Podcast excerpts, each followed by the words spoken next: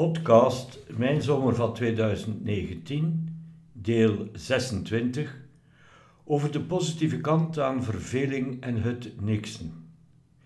Eloïse Edward en Elvire, ook deze 26e podcast van Mijn Zomer van 2019, is geïnspireerd door een uitzending van het Radio 1-programma De Zomer van 2019, en wel deze van 13 augustus, waarin Fenne Kuppes liedjes zocht over de positieve kant aan verveling en het niksen.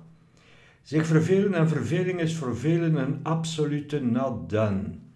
Mensen die zich vervelen voelen zich al snel waardeloos, worden door hun omgeving als nietsnut gezien of zijn aan het eind van de dag niet tevreden over hun prestaties.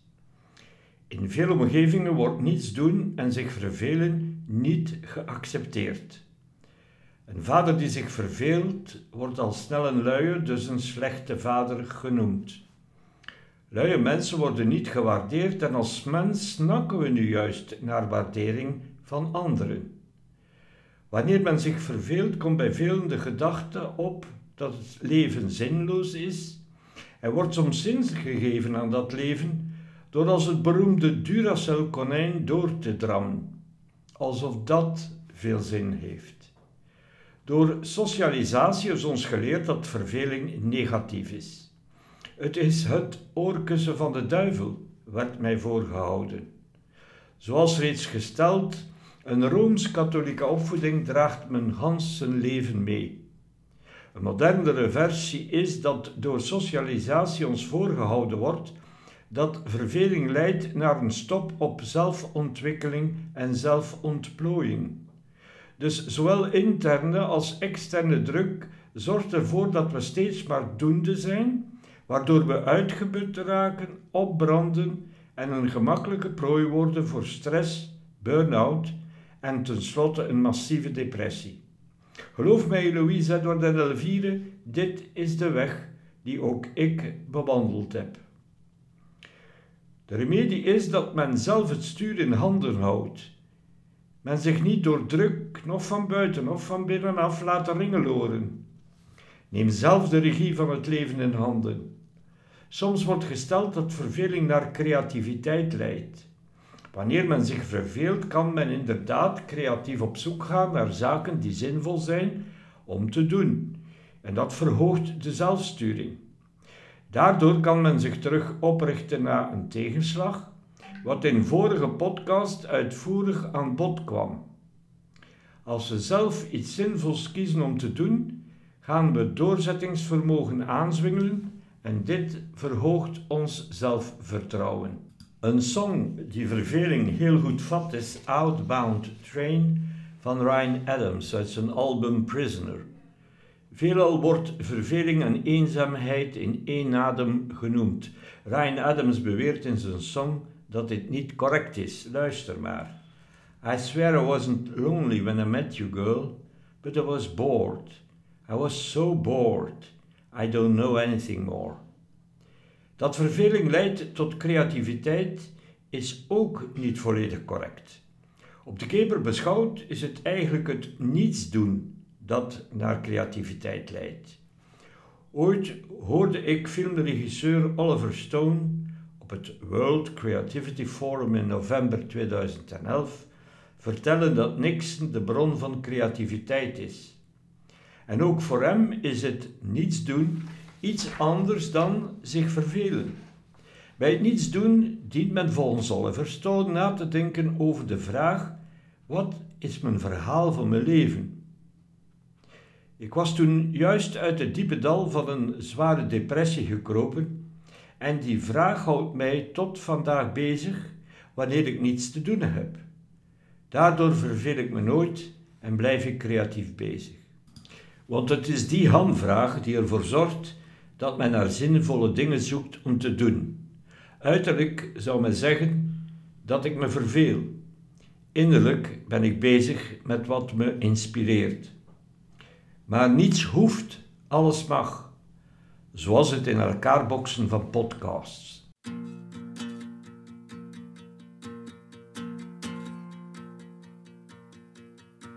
I'm am I supposed to know when it's time to go in the middle of the night when I'm all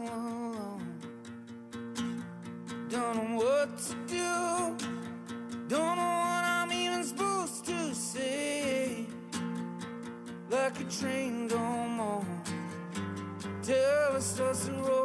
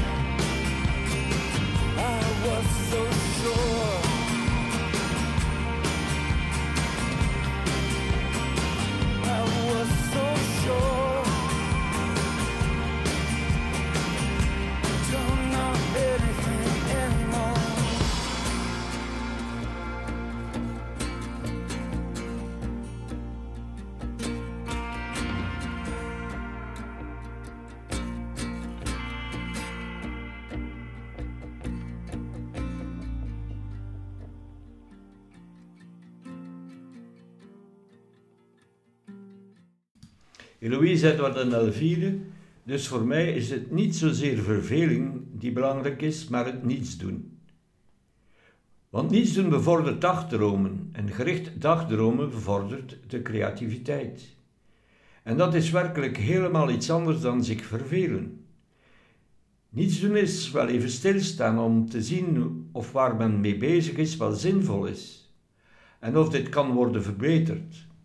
Het is dus een reflectiemoment dat leidt tot creativiteit. En het zal jullie niet verbazen dat daarbij de liggende acht wordt aangewend.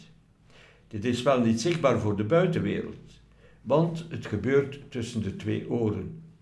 De buitenwereld denkt dat men zich verveelt en niets is minder waar.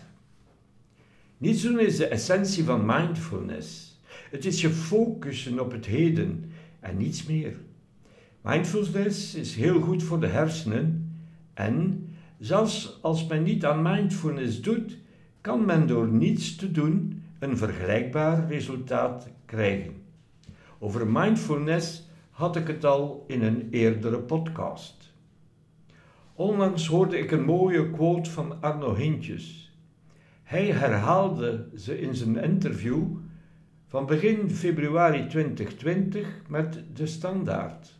Rond onder meer het feit dat pancreaskanker net bij hem was vastgesteld. Wat vandaag telt is het nu. Gisteren is dood. Morgen bestaat niet. Ik leef vandaag. Het leven dat de meesten van ons leiden is onmenselijk. Velen draaien in een dolle mallemolen en dat maakt hen nerveus, getresteerd, zodat velen ver voor hun tijd opgebrand zijn en zelden gezond de pensioengerechtigde leeftijd halen.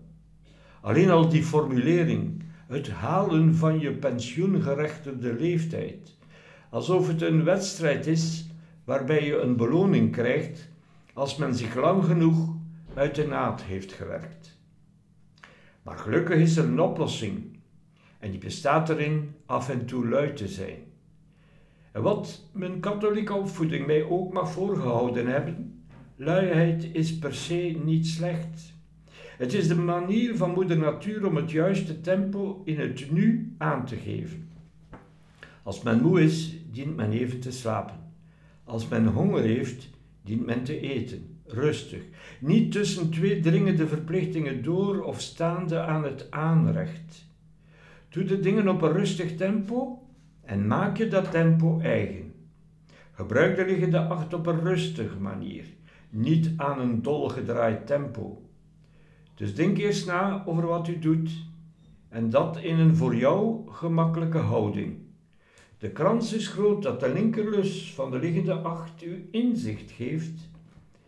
In de rechterlust een efficiëntere manier te bedenken dit inzicht om te zetten in actie en dit dus uiteindelijk juist te doen of juist niet te doen. En dit wanneer ieder ander die niet bezint eer zij of hij begint, zich reeds aan het doodrennen is om de klus te klaren. Men komt soms inderdaad tot de slotsom dat de kool het sop niet waard is en verlengt dan de periode van niets doen. En dit zonder efficiëntieverlies. Integendeel, er worden geen middelen verspild. Dat doet me dan denken aan een notoire luiaard, zijnde Sir Winston Churchill. Die zou ooit gezegd hebben: Engeland heeft nood aan luiaards, want die kunnen met weinig middelen een grote output ontwikkelen. Een van zijn uitspraken past overigens perfect in deze podcast. Conserve energy. Never stand up when you can sit down. And never sit down when you can lie down. Rustig nadenken over dingen, al dan niet in een hangmat, is verre van slecht. Het ziet er inderdaad nietsdoenerig uit en het is creatief. En zeer belangrijk is geen dingen te doen omdat ze altijd al zo gedaan zijn. Want zo blijft men in de tred van de mallemolen. Het is nuttig om af en toe eens te bedenken dat het maar sinds de industriële revolutie is dat mensen de hele dag werken. Voor die tijd werd er alleen gewerkt tot er genoeg was om er een paar dagen rustig van te leven. Nu wordt er gedaan alsof we twee levens hebben: één waarin we werken en één leven na ons werken. Ons pensioen, waarin we genieten van een welverdiende wat dan ook. Dit is een grote leugen in het nu. Men is eigenlijk gek als men al die kostbare tijd vermorst met zoiets onbelangrijks als werken. Dit werd mij meer dan duidelijk gedurende een, een van mijn opstarten in Afrika, meer bepaald in de streek van Moenana in Gabon, waar het uranium van een mijn gezuiverd werd met zwavelzuur. Het verrijkte uranium was vooral bestemd voor de Franse nucleaire industrie. De kaderfuncties van de fabriek van Moenena waren overigens voor 95% ingenomen door Fransen. Ik werd in 1983 uitgestuurd vanuit Riemen naar Moenena. Eerst een vlucht van Parijs naar Libreville, waar overnacht werd in een luxe hotel. De morgen daarop een binnenlandse vlucht van een paar uur van Libreville naar Moanda en dan een korte autorit naar Moenena, waar ik voor een zestal weken zou verblijven in een containerwoning. Ik was verantwoordelijk voor de opstart van een nieuwe zwavelzuurfabriek. De oude fabriek was op sterven na dood en gaf effectief de geest een paar dagen voor de opstart van de nieuwe. De meeste Afrikanen waren naar Moenena gekomen om daar te werken en leefden in de typische mijnstad. Er werkten toen een kleine duizend mensen in het mijnbedrijf. Zowat alle winkels in het mijnstadje waren eigendom van dat bedrijf. Van bij mijn aankomst werd ik voorgesteld aan een jonge Gabonees, een pinterman. De directie vroeg mij het slotstuk van zijn opleiding tot toekomstige meestergast op mij te nemen. Dus kreeg ik een bijkomende taak in de schoot geworpen. De jongen was daar al een paar maanden voor ik eraan kwam en zou me vergezellen als mijn schaduw gedurende de vijf à zes weken van mijn verblijf in Moenena. Edoch, een paar dagen voor de eigenlijke opstart kwam de jongeling mij melden dat hij ontslag had genomen en de volgende dag terug zou keren naar zijn dorp. Ik was verbouwereerd en vroeg hem naar de reden. Hij antwoordde met een tegenvraag. Waarom ik vanuit Vlaanderen naar de Evenaar getrokken was om mij daar zo uit te sloven. Natuurlijk antwoordde ik hem dat ik dat deed om een boterham te verdienen. Dan vroeg hij mij hoe lang ik dit soort leven nog schikte vol te houden. Ik antwoordde dat ik het vermoedelijk zou doen tot mijn pensioen, dus nog zo'n kleine dertig jaar. En wat ga je dan doen, Johan? Wel, dan ga ik genieten, was mijn antwoord. Wel, Johan, sprak hij, dat is precies wat ik vanaf morgen ga doen. Ik heb het hier begrepen. Ze, en daarmee bedoelde hij de Franse directie van het mijnbedrijf, doen ons hier werken aan een hels tempo en veel van wat we verdienen dienen we nadien uit te geven in de winkels van het bedrijf. Er blijft tenslotte niet zoveel over om te sparen en te genieten. Ik trek morgen naar mijn dorp. Ik laat mijn vrouwen daar wat werken op het land en ik neem zelf de jacht en de visvangst voor mijn rekening. Als we genoeg hebben voor een tijdje te leven, dan zetten we ons onder een paar bomen of leg ik mij met mijn gelieven in onze hangmat. Dus morgen begint voor mij mijn pensioen. En, voegde hij er fijntjes aan toe, ik ben nog maar een goede dertig, dus kan ik nog echt van een en ander genieten. Tegen dat jij 65 bent, Johan, is het nog maar de vraag wat jij nog allemaal voor mekaar zult kunnen krijgen. Ik geef toe dat ik nadien vaak aan die jonge Japonees, die ik nooit meer ontmoette, heb gedacht. Bij die anekdote hoort me dunkt volgend hitje van Bruno Mars.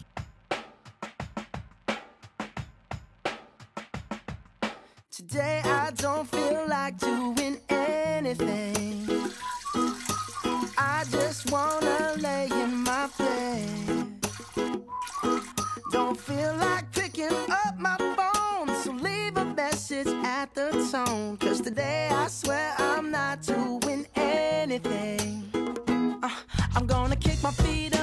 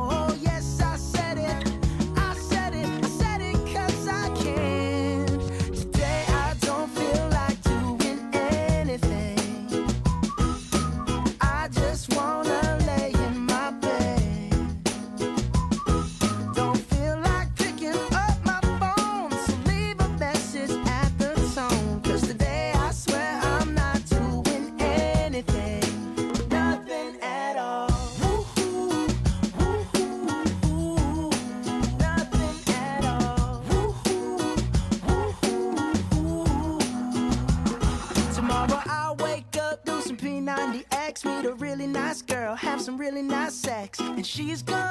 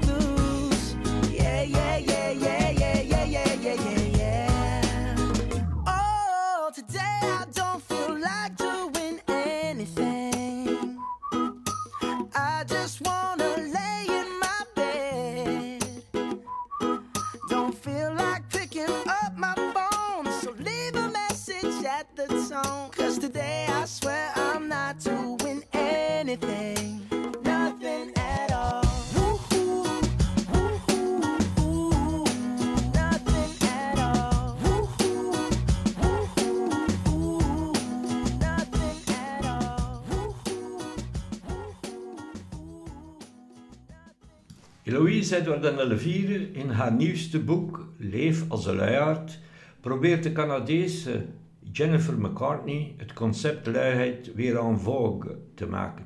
Haar devies luidt slow down, sleep in, slack off. Het Amerikaanse magazine Time schreef in juni 2019 dat het Nederlandse begrip Nixon de nieuwe Noord-Europese trend is om een gestrest leven tegen te gaan. Waar mindfulness gaat over het in het moment zijn, is Nixon eerder tijd creëren om gewoon te zijn en je gedachten de vrije loop te laten. Filosoof Johan Braakman van de UGent reist momenteel het land rond met zijn lezing Leven de luiheid. Hij zegt: Veel mensen hebben het latente gevoel dat het allemaal te veel is. Ze hebben het zo druk zonder dat het eigenlijk ergens naartoe gaat. Als iemand dan komt vertellen dat de boog wat minder gespannen mag en dat ze gerug wat langer in bed mogen blijven liggen, dan horen ze dat graag. Dat herkent ook McCartney. Mensen lijken te snakken naar toestemming om het wat rustiger aan te mogen doen. Johan Braakman hekelt de plus het en vous mentaliteit. Iedereen moet beter, sneller, groter. Hij stelt: Mensen trachten zich uit te persen. Ze gaan niet rustig vijf kilometer joggen, maar trainen voor een marathon. In de krant lees je een artikel over de tien concerten die ik deze week zou moeten zien. En dan ben ik nog niet aanbeland aan de boekenbijlage met de nieuwste uitgaven. Ik zag pas een foto aan de top van de Mount Everest. Mensen staan er tegenwoordig in een file aan te schuiven. Dat luiheid geen kwaliteit is waarmee men uitpakt op zijn cv, heeft natuurlijk te maken met oeroude denkbeelden, zoals de christelijke traditie die traagheid als een hoofdzonde beschouwt. Wie het verre geschopt geeft, van koks tot over regisseurs tot ondernemers, laat in interviews graag vallen hoeveel uren zij of hij per dag klopt. Jennifer McCartney vertelt in haar boek over haar vrienden die zich promoties laten aansmeren omdat ze denken dat het zo hoort. Zoals de leraar die fantastisch was met kinderen en nu diep ongelukkig in een of andere coördinerende functie. Hard werken is een kwaliteitslabel geworden, merkt ook Johan Braakman op. Dit alles doet me dan denken aan het Peter Principle van Lawrence Peter. Dit principe gaat als volgt. In een hiërarchisch gestructureerde omgeving hebben de mensen de neiging te blijven promoveren tot ze hun niveau van incompetentie bereiken. Lawrence Peter beschreef zijn principe in het gelijknamige, ook wel humoristisch boek Peter Principle van jawel het wonderjaar 1969. Het Peter-principe komt hierop neer dat iemand die heel naastig werkt, bijna steeds beloond wordt met de promotie. Indien zij of hij dan in de nieuwe functie nog steeds zijn werk goed en snel doet, zal zij of hij op een bepaald moment opnieuw gepromoveerd worden. Dit gaat zo verder tot men in een functie terechtkomt die men niet aan kan en waarvoor men om uiteenlopende redenen niet geschikt is. Dan zal het mechanisme stoppen. Vermits de persoon in kwestie niet capabel is, zal die persoon het werk niet goed uitvoeren en daarom ook niet meer beloond worden met een promotie. De persoon zal op haar of zijn niveau van incompetentie blijven steken en dus een job blijven uitvoeren die zij of hij niet aan kan en bovendien mede daardoor niet echt graag doet. In mijn eerste professionele leven op de Kulman was ik in het begin adjunct afdelingshoofd van de afdelingen zwavelzuur en algemene diensten. Die twee diensten waren aan elkaar gekoppeld omdat de zwavelzuurafdeling stoom produceerde, de belangrijke zelfgeproduceerde energiebron van het bedrijf. Bovendien werd die druk van de stoom door een turbine-generatorsysteem gestuurd, waardoor ook nog eens eigen elektriciteit, de andere belangrijke energie, werd geproduceerd. Het hart van de zwavelzuurafdeling, en eigenlijk van een groot gedeelte van de fabriek, was de zwavelpomp. En die was bij de opstart van contact 3 van een nieuw type met een uiterst gevoelige hydraulische dichting. Indien die stuk ging, diende men van pomp te wisselen. De herstelling van de defecte pomp nam enige tijd in beslag en diende tijdig afgewerkt te zijn voordat de tweede pomp de geest gaf. Anders zat men zwaar in de penarie.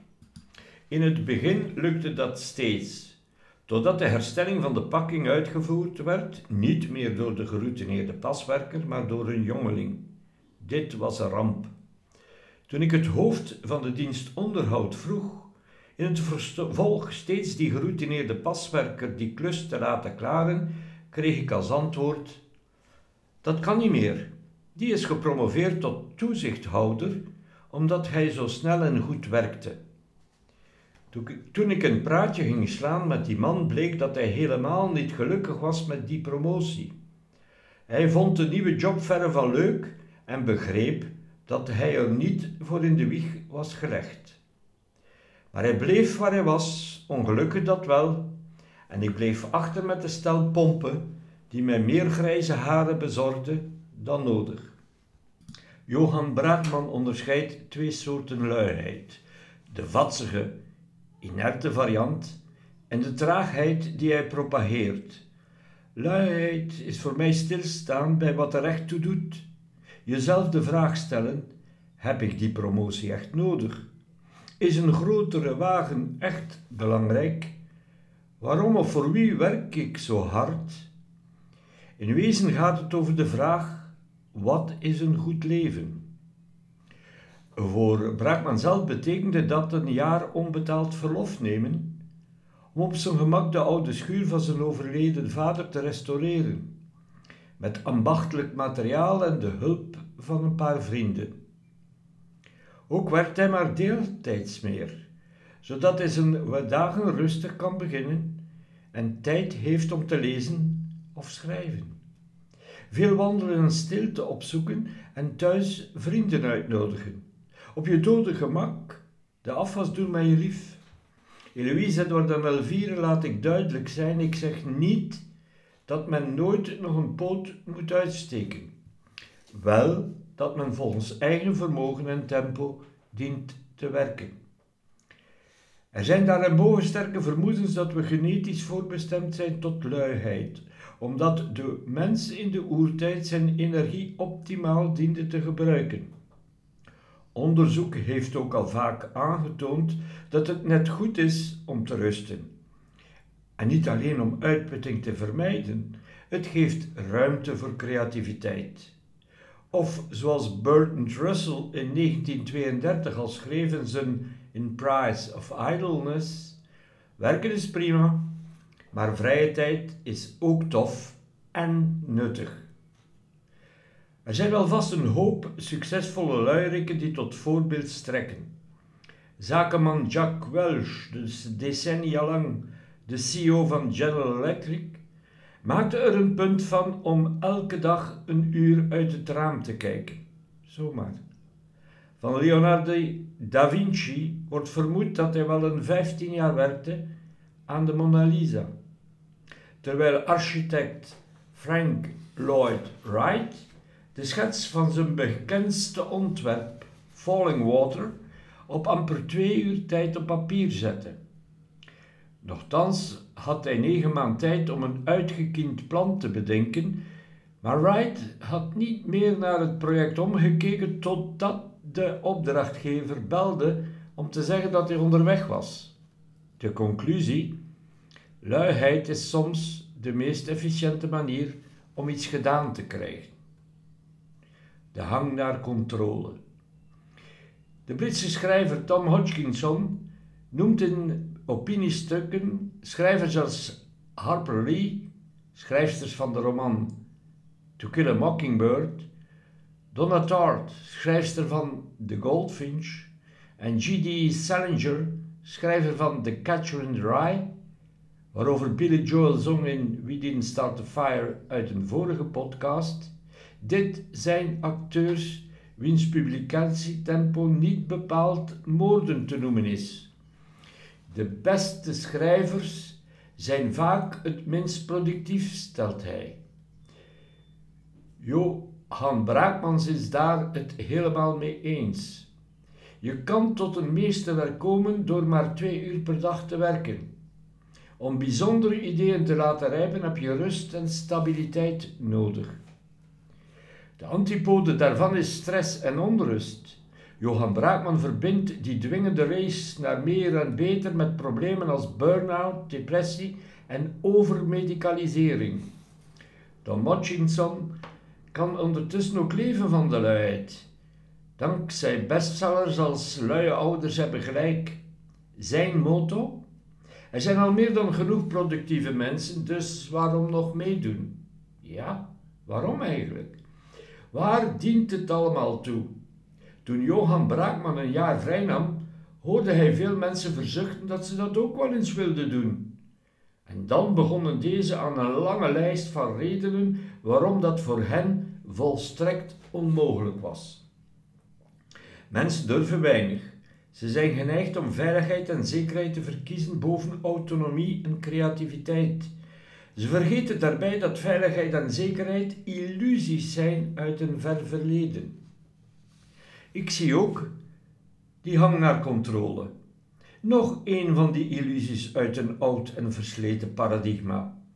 Alsof het leven uiteindelijk wel in de juiste plooi zal vallen als je maar de ene boek leest met al die productiviteitstips. Luiheid gaat voor mij ook om ervaring. Ik hoef er niet piekfijn uit te zien. Ik ben oké zoals ik ben. Is reeds decennia mijn devies. Elke dag wel fris gewassen, maar voor de rest, who cares? Louise Edward en Elvire kennen jullie de onthulling van de Australische palliatief verpleegster Bronnie Ware.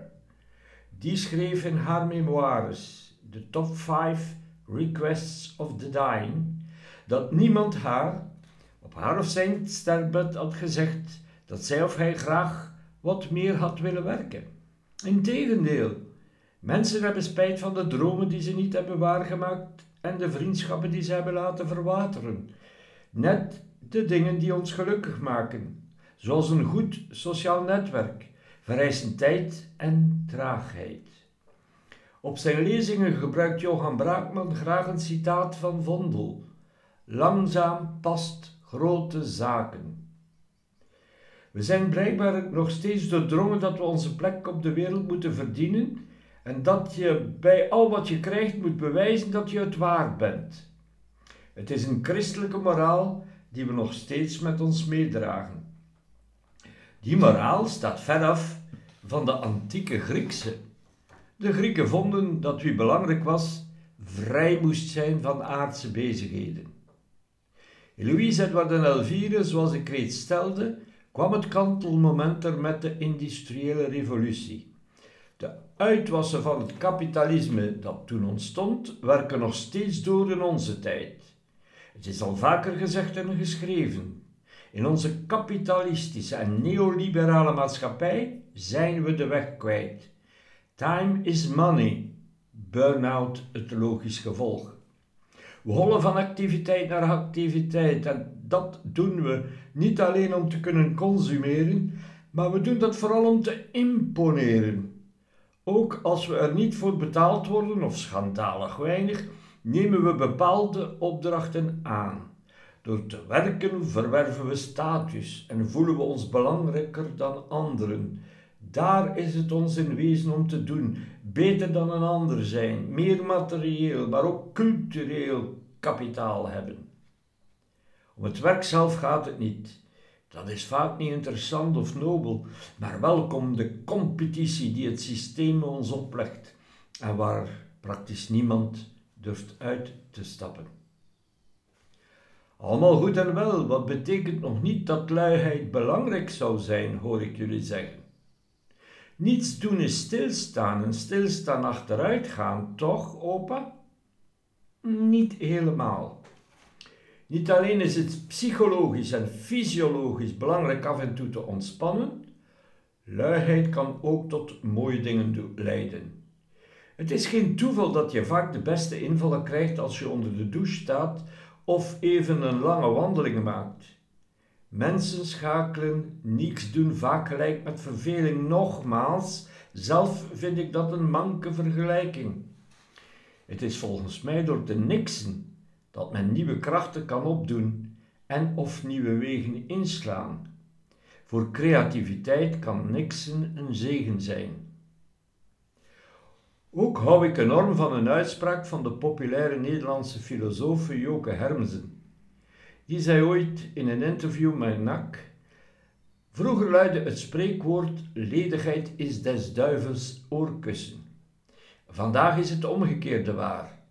Ledigheid is het kussen waarop de muze slaapt. En dat laatste tracht ik aan te tonen in deze podcast-serie. Eloïse Edward en Elvire, de conclusie lijkt simpel. Laten we met z'n allen ons recht op luiheid terug opeisen. Voor we collectief met een burn-out thuis zitten. De realiteit echter is minder simpel. Om ons recht op luiheid te kunnen opeisen, moet het systeem veranderen. Maar zolang ook de culturele en intellectuele voorgoedes in dat systeem meedraaien, kan dat niet. Ook universiteiten en cultuurhuizen hebben zich een consumentenlogica eigen gemaakt. Vanuit die plekken hoor je wel kritische geluiden, maar van enige actie is voorlopig nog weinig sprake. Hoewel, er is het lichtend voorbeeld van Johan Braakman. Niet dat een lui lekkerland het doel moet zijn, luiheid is als alcohol, te gebruiken met verstand. Zoals in de song van Otis Redding, mijn favoriete song over Nixon.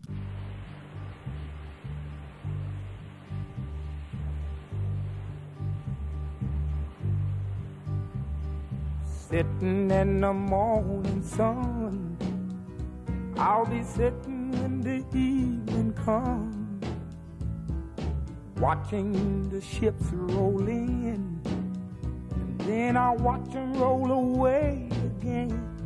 Yeah, I'm sitting on the dock of the bay, watching the tide roll away. Sitting on the dock of the bay, wasting time. I left my home in Georgia headed for the Frisco Bay. Cause I've had nothing to live for, and look like nothing's gonna come my way. So I'm just gonna sit on the dock of the bay, watching the tide roll away. I'm sitting on the dock of the bay, wasting time. Look like nothing's gonna change. Everything still remains the same. Can't do what ten people tell me to do. So I guess I'll remain the same. Sitting here resting my bones. And this loneliness won't leave me alone. Listen, 2,000 miles I roam just to make this dock my home. Now I'm just gonna sit at the dock of a bay, watching the tide roll away.